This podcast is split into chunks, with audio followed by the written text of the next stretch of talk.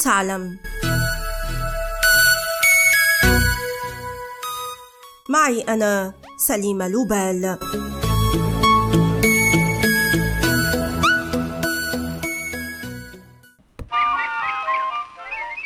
Who feels like singing on such a gloomy day? I'll show you how to brighten it up. How? What you need is sun power. Just follow me. Gosh, who are you? Sun for Kellogg's Corn غيرت رقائق الإفطار المصنوعة من الذرة والقمح العادات الغذائية في الولايات المتحدة الأمريكية قبل أن تنتشر بعدها في العالم كله ولكن هل تعرفون أنها اكتشفت صدفة وأن خطأ هو من قاد إلى صنع واحد من بين أكثر المواد الغذائية شهرة في العالم؟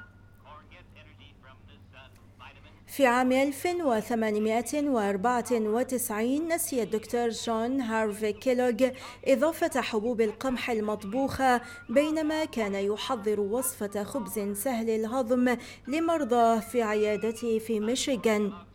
تصلبت قشور حبات القمح طول الليل ولم يكن من المعقول رميها فخطر على بال الطبيب أن يضعها على عجينة ثم يخبزها ويقطعها لكن عكس ما كان يتوقع حصل الطبيب على رقائق قمح مقرمشة نالت إعجاب مرضاه. أطلق على المنتج اسم جرينوز واستمر أربعة أعوام قبل أن يعوض الدكتور القمح بالذرة الألذ لتولد بذلك أولى رقائق الذرة. ويعد جون هارفي بمساعدة شقيقه ويل كيث أول من صنع حبوب الإفطار وبدأ ببيعها للمرضى لكن سرعان ما ساءت العلاقة بينهما لتتحول إلى معركة قضائية. فاز بها ويل الذي أسس في عام 1906 شركته الخاصة لصناعة رقائق الذرة. بدأت شركة كيلوغ بتصنيع منتجات جديدة من حبوب القمح والذرة والأرز الغنية بفيتامين د والعسل وتوزيعها خارج الولايات المتحدة الأمريكية قبل أن تفتتح مصانع لها في المكسيك وإنجلترا ثم فرنسا.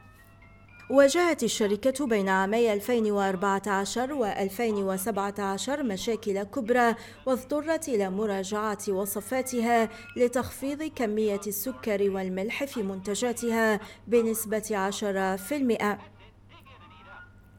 كانت شركة كيلوغ أول شركة تقدم منتجاتها في علب وتكتب عليها معلومات غذائية عن المنتج منذ ثلاثينيات القرن الماضي كما كانت من أوائل الشركات التي بدأت منذ عام 1910 بتقديم هدايا للأطفال في صورة ألعاب صغيرة للتجميع أو ملصقات رياضية. حتى أنها شجعت الأمريكيين على التصويت في الانتخابات في عام 1956 من خلال رسائل على علبها.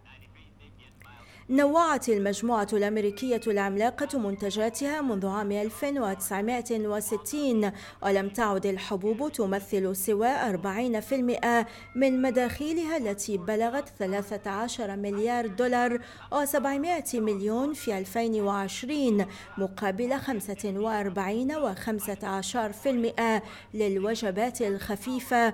وثمانية في المئة للأطعمة المجمدة وستة وخمسة عشر في المئة للمعكرونة حققت الشركة نموا العام الماضي بنسبة 8% وأكدت صمودها وحضورها على موائدنا خاصة خلال الأزمة الصحية. brighten it up. How?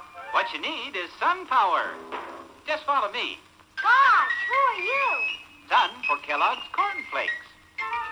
I come to Earth each sunny day from 93 million miles away. Sun, four Kellogg's cornflakes. I'm on the beam from early morn, scattering sun to fields of corn. والآن إلى اللقاء مع حلقة جديدة من بودكاست هل تعلم؟